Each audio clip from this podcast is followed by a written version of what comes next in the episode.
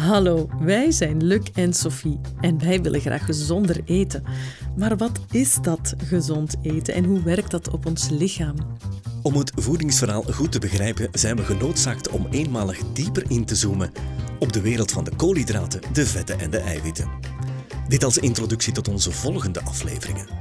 Vandaag geeft voedingsconsulent Sven de Weert ons een speedcursus over vetten. Deze aflevering is misschien complex en daarom bedoeld voor de meerwaardezoeker. Laat je onderdompelen. Welkom bij Beetweters. Dit is alweer een uh, spoedcursus. We hadden het de vorige keer over koolhydraten. We zullen het binnenkort over eiwitten hebben. Noodzakelijk deze afleveringen om voeding beter te kunnen begrijpen. En we zijn nu bij de vetten aanbeland, hè Sophie? Dat klopt. Ik ben heel benieuwd, Sven. Wel, we gaan het vandaag hebben over vetten. En ik denk dat vetten uh, een beetje de minst populaire van de drie voedingsgroepen is.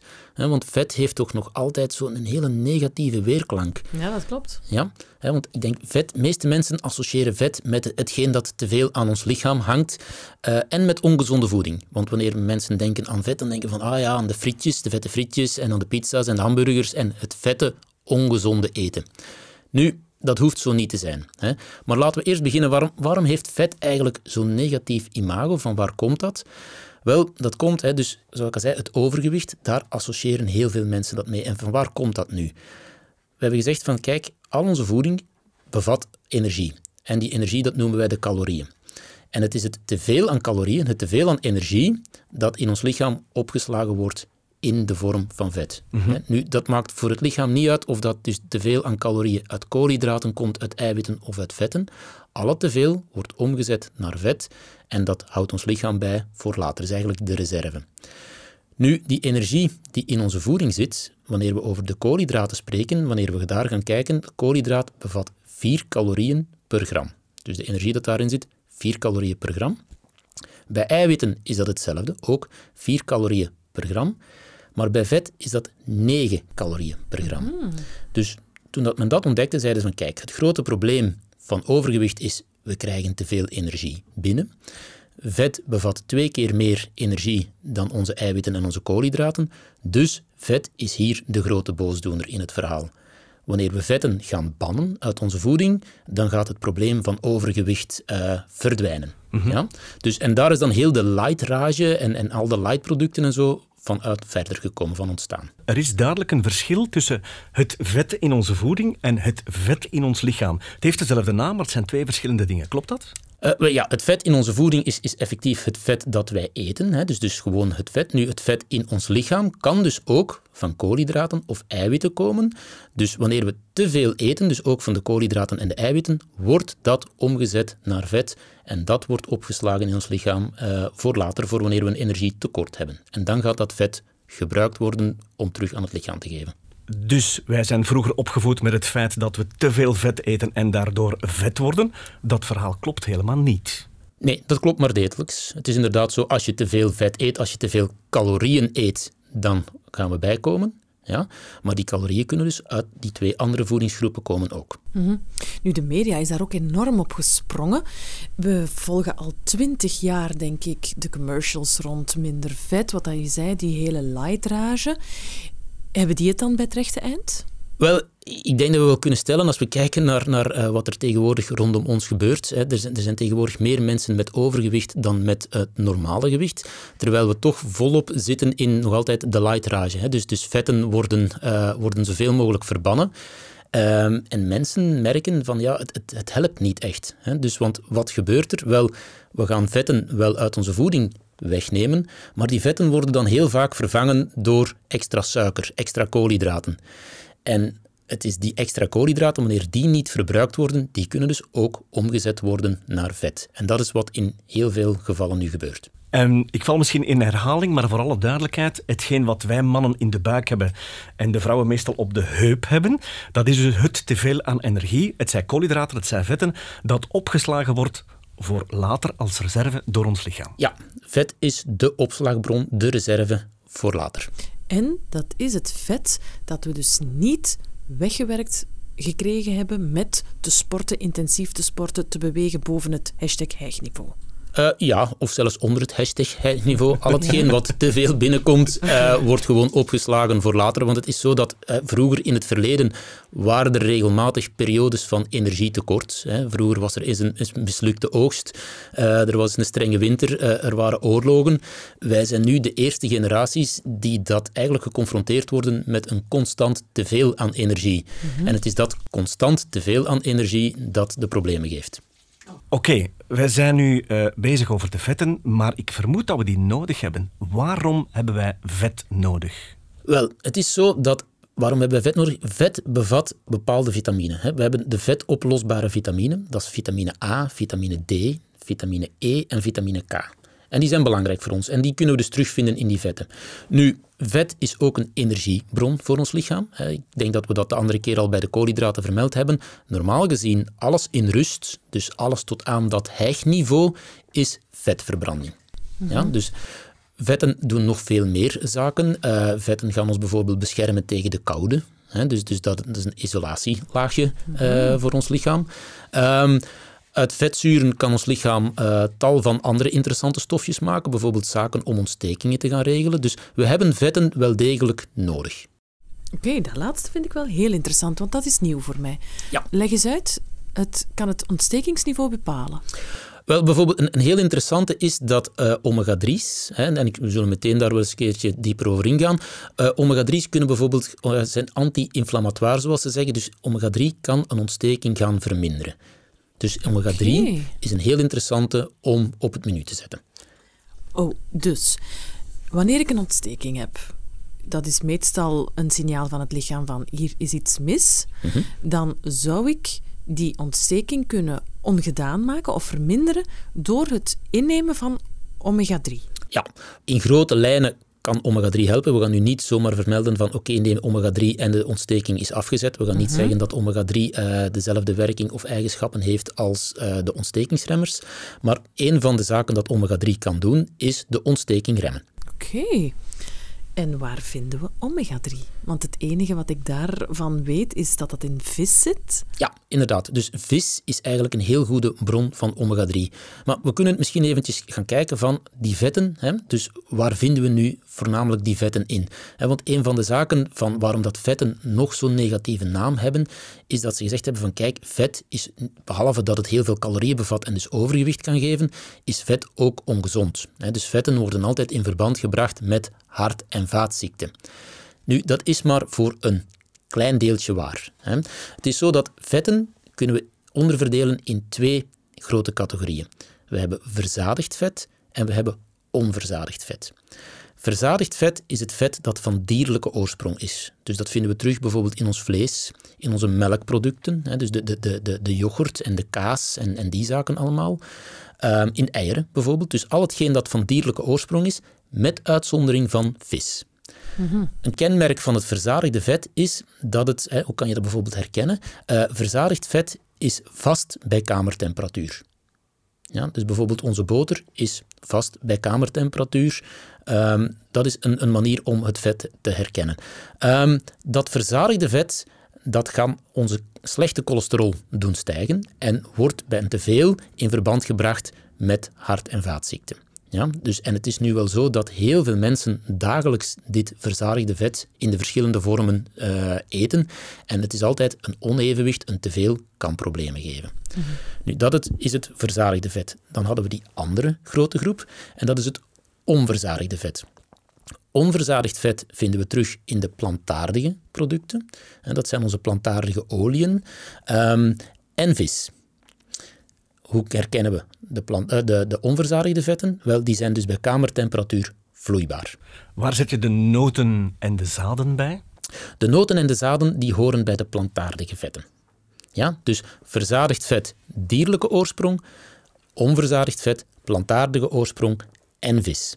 Sven, als ik het goed begrijp, dan mag ik onverzadigd vet benoemen als een item waar, waar gezondheidsvoordelen aan vasthangen. Dan, ja, of? dus het verzadigde vet, het teveel aan verzadigd vet, wordt in verband gebracht met de hart- en vaatziekten, verhoogde cholesterol, die zaken. Nu, Onverzadigd vet heeft tal van gezondheidsvoordelen. Je gaat bijvoorbeeld de cholesterol doen dalen, vandaar dat men overgeschakeld is van de, de, de, de gewone roomboter, hè, dus hetgeen wat plantaardig vet was, naar tegenwoordig de plantaardige boter. Hè, dus heeft de eigenschap om cholesterol te doen dalen. En het is dan uh, de omega-3 in het onverzadigde vet dat uh, een hele mooie eigenschap heeft van ontstekingen te gaan remmen.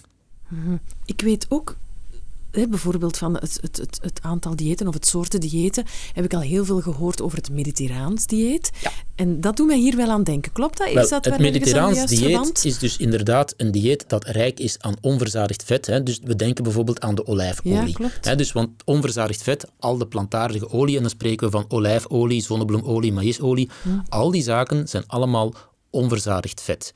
Nu, dus vloeibaar bij kamertemperatuur. Waar moeten we wel mee oppassen met de onverzadigde vetten, is wanneer we die gaan verwarmen. Omdat verzadigd vet is vrij stabiel. Onverzadigd vet kan bij verhitting um, uit elkaar gaan vallen.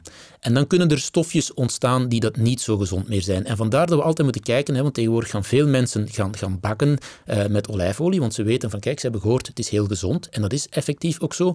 Maar je moet toch een beetje oppassen dat je het onverzadigde vet, je moet al kijken welk soort, uh, en dat je dat bij bewerking, dus bijvoorbeeld bij koken of bakken en zo, dat je daar niet te hoog in bepaalde temperaturen gaat, want dan gaat dat onverzadigde vet chemisch gezien uit elkaar vallen dan gaan er andere chemische structuren ontstaan die dat niet zo gezond meer zijn. Oké, maar dat lijkt me een heel interessant onderwerp om in een latere aflevering nog eens uh, heel ja, concreet aan bod te laten komen, want hier heb ik eigenlijk heel veel vragen over. Maar laat ons even terugnemen uh, naar onze verzadigde vetten, onze onverzadigde vetten.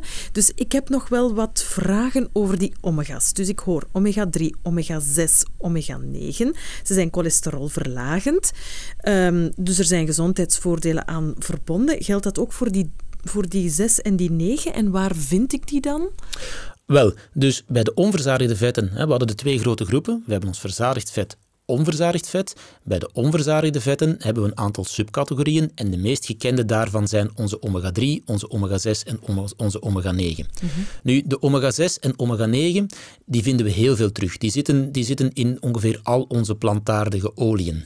of dat dat nu een zonnebloemolie, een olijfolie, een maïsolie, daar zit vooral onze omega-6 en onze omega-9 in. En die krijgen we ook heel veel binnen omdat tegenwoordig zijn heel veel zaken uh, met de plantaardige olie gemaakt. Of dat dat nu in de gezonde vorm of de minder gezonde vorm is. Hè. Dus mensen die zeggen van kijk, ik ga mijn salade eten, ik doe daar olijfolie over. Heel goed, heel gezond. Uh, maar bijvoorbeeld ook het zakje chips dat we tegenwoordig, als we dat opeten, daar staat dan van voor op met zonnebloemolie gemaakt. Hè. Dus dan zit er nog altijd plantaardige olie in, maar dat hoort niet meer bij onze gezonde voedingsgroep. Hè. Dus, dus, het is niet omdat erop staat met Ja, ik denk dat ik dan gezond bezig ben. Ja, nee, nee, vandaar. We moeten ook oppassen, dus bij, bij het onverzadigde vet, zoals ik al zei, wanneer we gaan verhitten, dan kan die chemische structuur uit elkaar vallen. Uh, en dat gebeurt nog wel bij industriële bereidingen. Dus, dus heel veel zaken, onze koekjes en, en, en onze gebakjes en zo, die zijn dan bereid met het onverzadigde vet. Zijn jammer genoeg, uh, vaak wordt dat dan gehard. Dus je kan kijken op de verpakking, als er op de verpakking staat, als er op staat gehard plantaardig vet, dan wil dat eigenlijk zeggen dat er een chemische proces heeft plaatsgevonden dan is dat onverzadigde vet van vorm veranderd en dan is het jammer genoeg niet gezond meer. Dan staat hij op de gelijke voet met de verzadigde vetten? Uh, nee, zelfs een heel stuk daaronder. Dus uh, gehard plantaardig vet, want dan, dan ontstaat er een stofje en dat heet transvet. En transvet uh, is echt heel ongezond, wordt afgeraden om nog te nuttigen. Ehm, in Amerika is bijvoorbeeld transvet volledig verboden. bij ons mag het nog altijd in de voeding voorkomen, is het niet meer verplicht om op de verpakking te vermelden. Dus we weten jammer genoeg niet hoeveel transvet we nog binnenkrijgen. Dat is jammer. Ja. Ja, nu, Europa wil ook wel volgen. Uh, ze hebben al stappen ondernomen, dus de hoeveelheid transvetten die in onze voeding zitten, zijn al drastisch verminderd. Uh, vroeger zat bijvoorbeeld in, in de plantaardige boter, uh, toen die uitkwam, heel veel transvet. Dat is ondertussen zo goed als verdwenen, dus het is al een heel stuk verbeterd. Maar in bepaalde industriële bereidingen zit nog altijd wel dat transvet in. Um, en het zou goed zijn moest dat, uh, mocht dat volledig verdwijnen. Mm -hmm. Dus oppassen met vloeibare oliën of vetten die ja, opgewarmd geweest zijn en verhard zijn. Ja, dus het geharde plantaardig vet ja. is niet meer zo gezond. Oké, okay, onze omega-3 we hebben daar juist gezegd vis. Ik eet niet zo heel veel vis. Uh, Omega-3 kunnen we uit twee bronnen halen. We hebben enerzijds onze vis, dat is de dierlijke bron.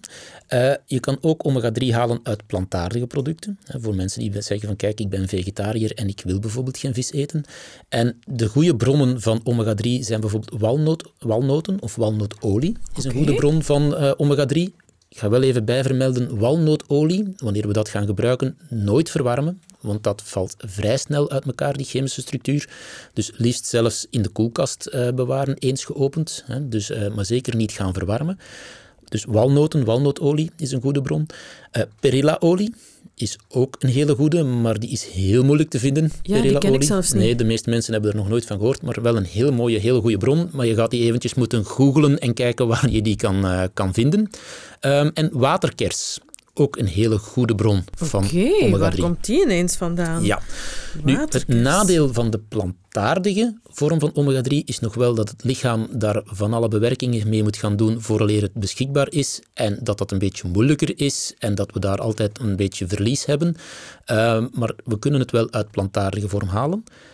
Maar vis uh, is nog altijd de beste vorm. Nu, voor de mensen die zeggen van kijk, ik ben vegetariër, uh, ik wil geen vis eten of ik lust niet graag vis. Hè. Tegenwoordig nog heel weinig kinderen eten of lusten vis, of het is in de vorm van vissticks, wat dan ook weer niet de beste vorm is. Um, dan kan je altijd van uh, gaan opteren om bijvoorbeeld een supplement te nemen. Um, wat ik dan vaak hoor is dat mensen zeggen van ja, kijk, uh, ik heb dan bijvoorbeeld visoliecapsules, dus de gewone visoliecapsules, hè, uh, maar als ik die dan ingenomen heb en ik moet een half uurtje later, uh, krijg ik last van oprisping, ik moet een boertje laten, ja, dan krijg je die vissmaak in de mond, vinden mensen dan oh, niet nee. zo lekker. Nee, nee. Um, dan is bijvoorbeeld krilolie een, een, een, goed alternatief, dan heb je veel minder last van, van die vissmaak. Krilolie, dat doet mij aan walvissen denken. Ja, dat is hetgeen wat die beestjes graag eten.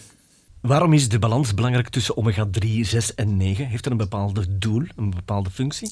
Uh, wel, zoals alles is evenwicht heel belangrijk en problemen ontstaan wanneer we uit evenwicht zijn. Zelfs bij de gezonde zaken. Hè. Dus, want omega-6, omega-9, dus hetgeen wat in olijfolie en zonnebloemolie en zo, dus allemaal heel gezond. Hè. We gaan, gaan onze cholesterol verlagen, heeft tal van, van gezondheidseigenschappen. Maar het is die verhouding omega-6, omega-3 is vrij belangrijk. Want we weten nu, als die verhouding een beetje zoek is, dat het dan kan misgaan bij het regelen van onze ontstekingen. Daar zijn nu tal van studies over. En mensen zien ook, dus we zien in die studies dat, dat tegenwoordig de omega-3, dus die we vooral in de vis terugvinden, dat die heel laag staat bij mensen. Terwijl dat, oké, de olijfolie en zo, dat heeft al wel zijn weg gevonden in onze voeding. Dus, en die verhouding omega-6, omega-3 is een beetje zoek. Dus, dus uh, je kan tegenwoordig, je kan, als je dat echt wil, laten testen via bloedonderzoek. Hè, vetzuurprofiel uh, noemen ze dat dan. Um, en normaal gezien zou die verhouding omega-6, omega-3 gelijk moeten zijn. Dan zijn we in evenwicht. Mm -hmm. Nu zijn we al heel blij als de verhouding omega-6, omega-3 maar 5 tegen 1 staat. Dus 5 keer zoveel omega-6 dan, dan omega-3.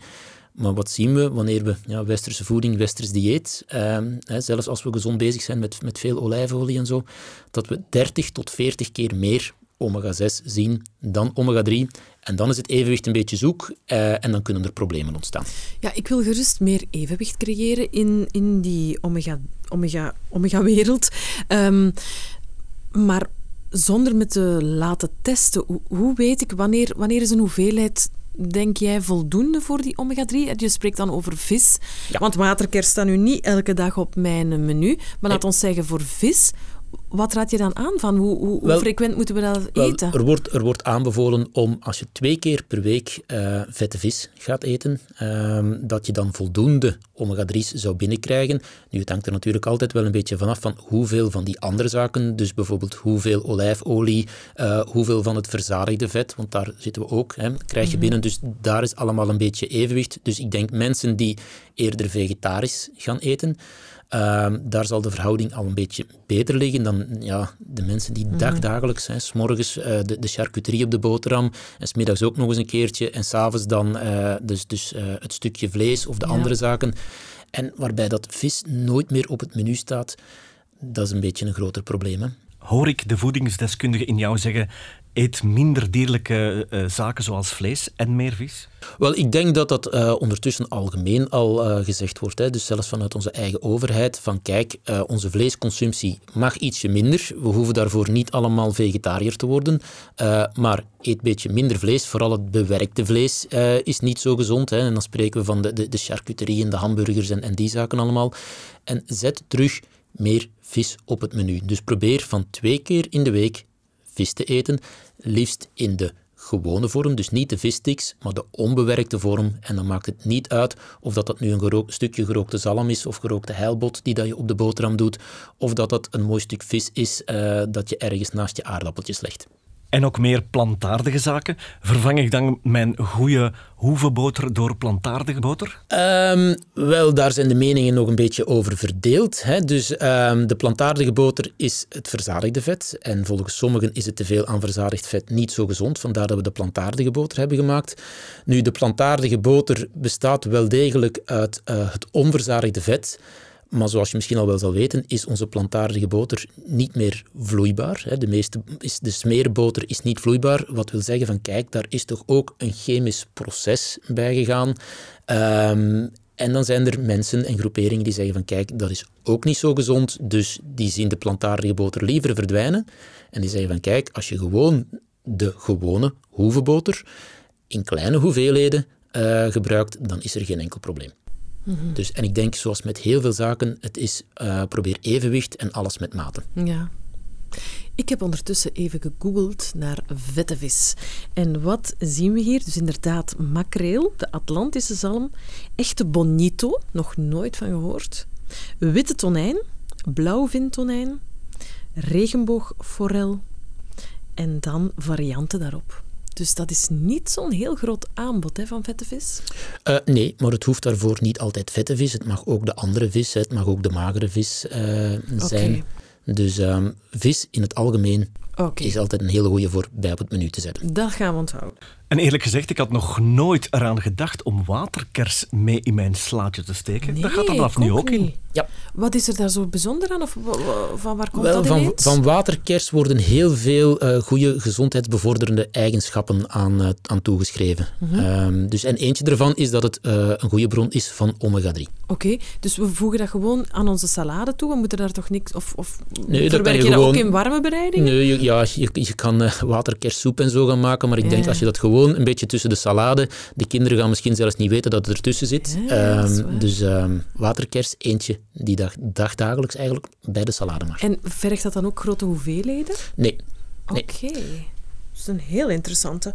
De walnoten die had ik al, met een, met een heleboel andere noten en zaden erbij.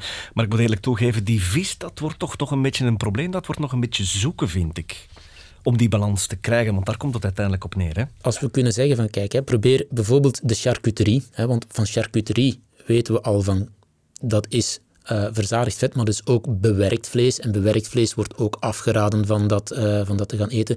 Dus als we al iets minder charcuterie gaan eten. En we kunnen bijvoorbeeld de charcuterie... En mensen zeggen dan van, ja, maar wat moet je dan op je boterham eten als ik, mijn kippenwit en mijn, mijn rosbief en zo er niet meer mag opleggen? Ik altijd tegen mensen van, ja kijk, er zijn tegenwoordig heel veel alternatieven, ook heel veel plantaardige alternatieven.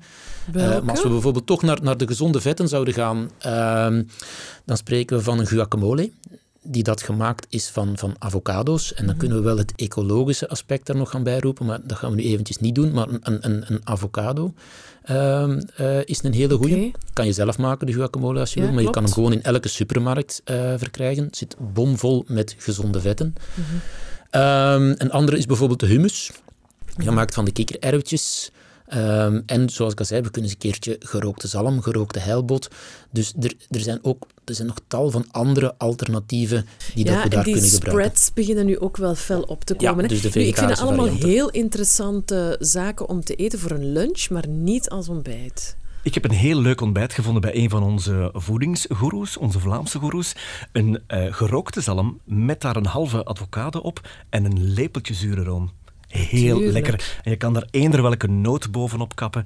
Een beetje pijp ajuin erover. Het is een heerlijk ontbijt. Als ontbijt? Ja, heerlijk. Want heerlijk. ik doe dat af en toe als lunch. Dus die gerookte zalm, dan mijn, mijn, mijn avocado. En dan, echt waar, een spiegeleitje erover. Wauw. Heerlijk. Absoluut. Ja, combinatie van de verschillende vetten hebben we daar. Ja. Oké. We hebben nog één dingetje niet aangeraakt bij de vetten. En ik trap misschien een open deur in, maar je kan niet met alle vetten bakken.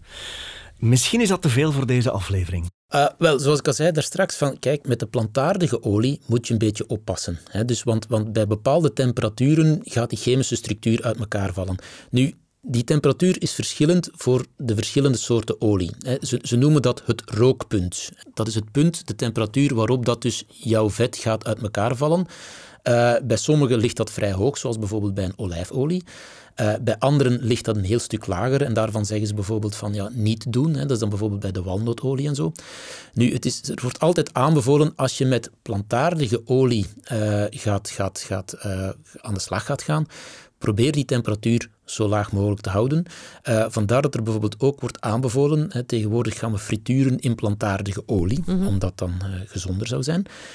Van kijk, probeer om de 5, 6 keer, na 5, 6 keer frituren, ga je olie verversen. En waarom is dat? Dat is omdat de temperatuur, dat rookpunt, telkens gaat verlagen. Dus na 5, 6 keer gaat je temperatuur, het punt waarop dat je dus eigenlijk die, die, die slechte stoffen gaat produceren, een heel stuk lager liggen dan je eerste keer. Dus vandaar dat het zo belangrijk is om regelmatig de frituurolie te gaan verversen.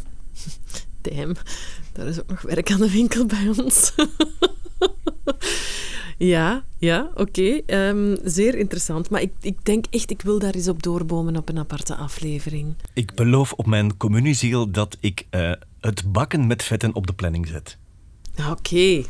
daar ben, kijken we naar uit. Ik ben een heel stuk wijzer geworden. Voor mij is het uh, hele vetten hoofdstuk nu duidelijk. Mm -hmm. Absoluut. Ik heb nog een vraag. Um, we hebben toch geleerd, de koolhydraten verbranden we vanaf ons hijgniveau, de vetten verbranden we daaronder. Dus we hebben vandaag vetten gegeten, die zetten zich op mijn heupen, laat het ons zeggen. Hoe verbrand ik die dan het beste? Wel, dus, de, de, de, vetten gaan, gaan zich pas op jouw heupen zetten als je meer energie binnenkrijgt dan je verbruikt. Ah, ja. Zolang als je minder energie binnenkrijgt dan je verbruikt, ook al is het uit vet, gaan die zich niet op de heupen zetten, want jij gaat die gebruiken als energie. Ik vind dat zo moeilijk om dat te voelen wanneer, ja, wanneer manifesteert het zich, wanneer, is het, uh, wanneer heb ik te weinig bewogen. Wel, ik denk dat de weegschaal je dat gaat vertellen. Oké, okay. ja, daar ben ik zo'n beetje allergisch aan, aan die weegschaal. Maar bon, ja. ja, het is wel een graad. Meten is weten. Inderdaad, maar mensen hè, denken dus van kijk goed, het is dus ik moet alle vet gaan bannen, want anders dat, want, want als ik dat ga doen, dan ga ik afvallen. Dat is geen garantie, Nee. hè, want om een voorbeeldje te geven, we hebben bijvoorbeeld nu het ketogene dieet, dat vrij populair is. En een ketogene dieet is eigenlijk een vetdieet. Dat is een dieet waarbij dat 70 tot 80 procent van de energie uit vet komt. En mensen rapporteren daar dat ze uh, gewicht gaan verliezen.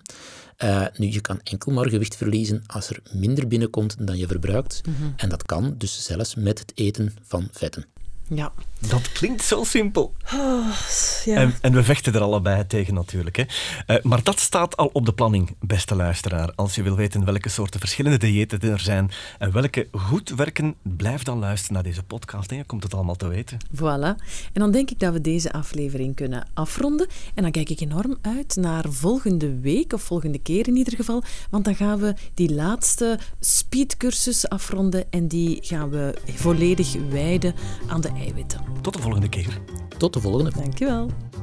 Bedankt voor het luisteren. Hopelijk heb je er wat van kunnen opsteken. Heb jij ook een vraag voor Sven of wil je graag iets delen met ons? Laat het ons gerust weten.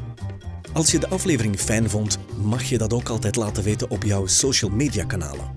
Tag ons via Beetweters. Een review is ook altijd welkom.